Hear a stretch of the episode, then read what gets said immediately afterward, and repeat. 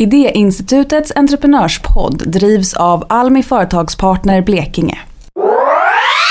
Hej på er! Snart så släpper vi sjunde avsnittet av Idéinstitutets entreprenörspodd. Då var gästas vi av starka och modiga konstnären Susanne Demone. Hon lockar människor från hela jordens hörn för att få uppleva den unika plats hon skapat i Edestad, Blekinge. Med Susanne pratar vi kreativitet och dess koppling till entreprenörskap. Här kommer en teaser från avsnittet.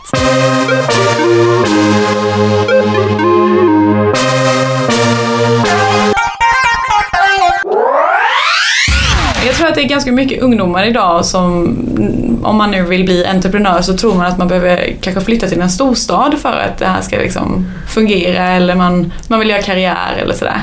Eh, men det känns ju som att du inte riktigt har gjort den vägen och att du lyckas ju typ få busslaster ut mitt i skogen. Ja, men du det är jätteintressant det du säger faktiskt.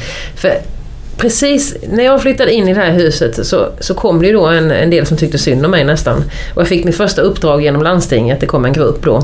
Och jag vet så här i efterhand att de tyckte att det var Hur ska detta gå? Det här kommer ju aldrig gå. Eh, stackars Susanne, det här var ju, de var så kallt som satt med kapporna på och det, fan, det ekade när de pratade.